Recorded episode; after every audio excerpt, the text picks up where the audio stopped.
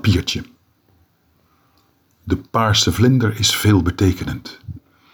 De gepassioneerde bloem iets minder. Het gras is zijn betekenis voorbijgegroeid. Ik zit zonder. Kijk, daar gaat de man wiens buurvrouw bedelen. Half zes, op weg dus naar de verzamelplaats voor de leden van het irreëel genootschap.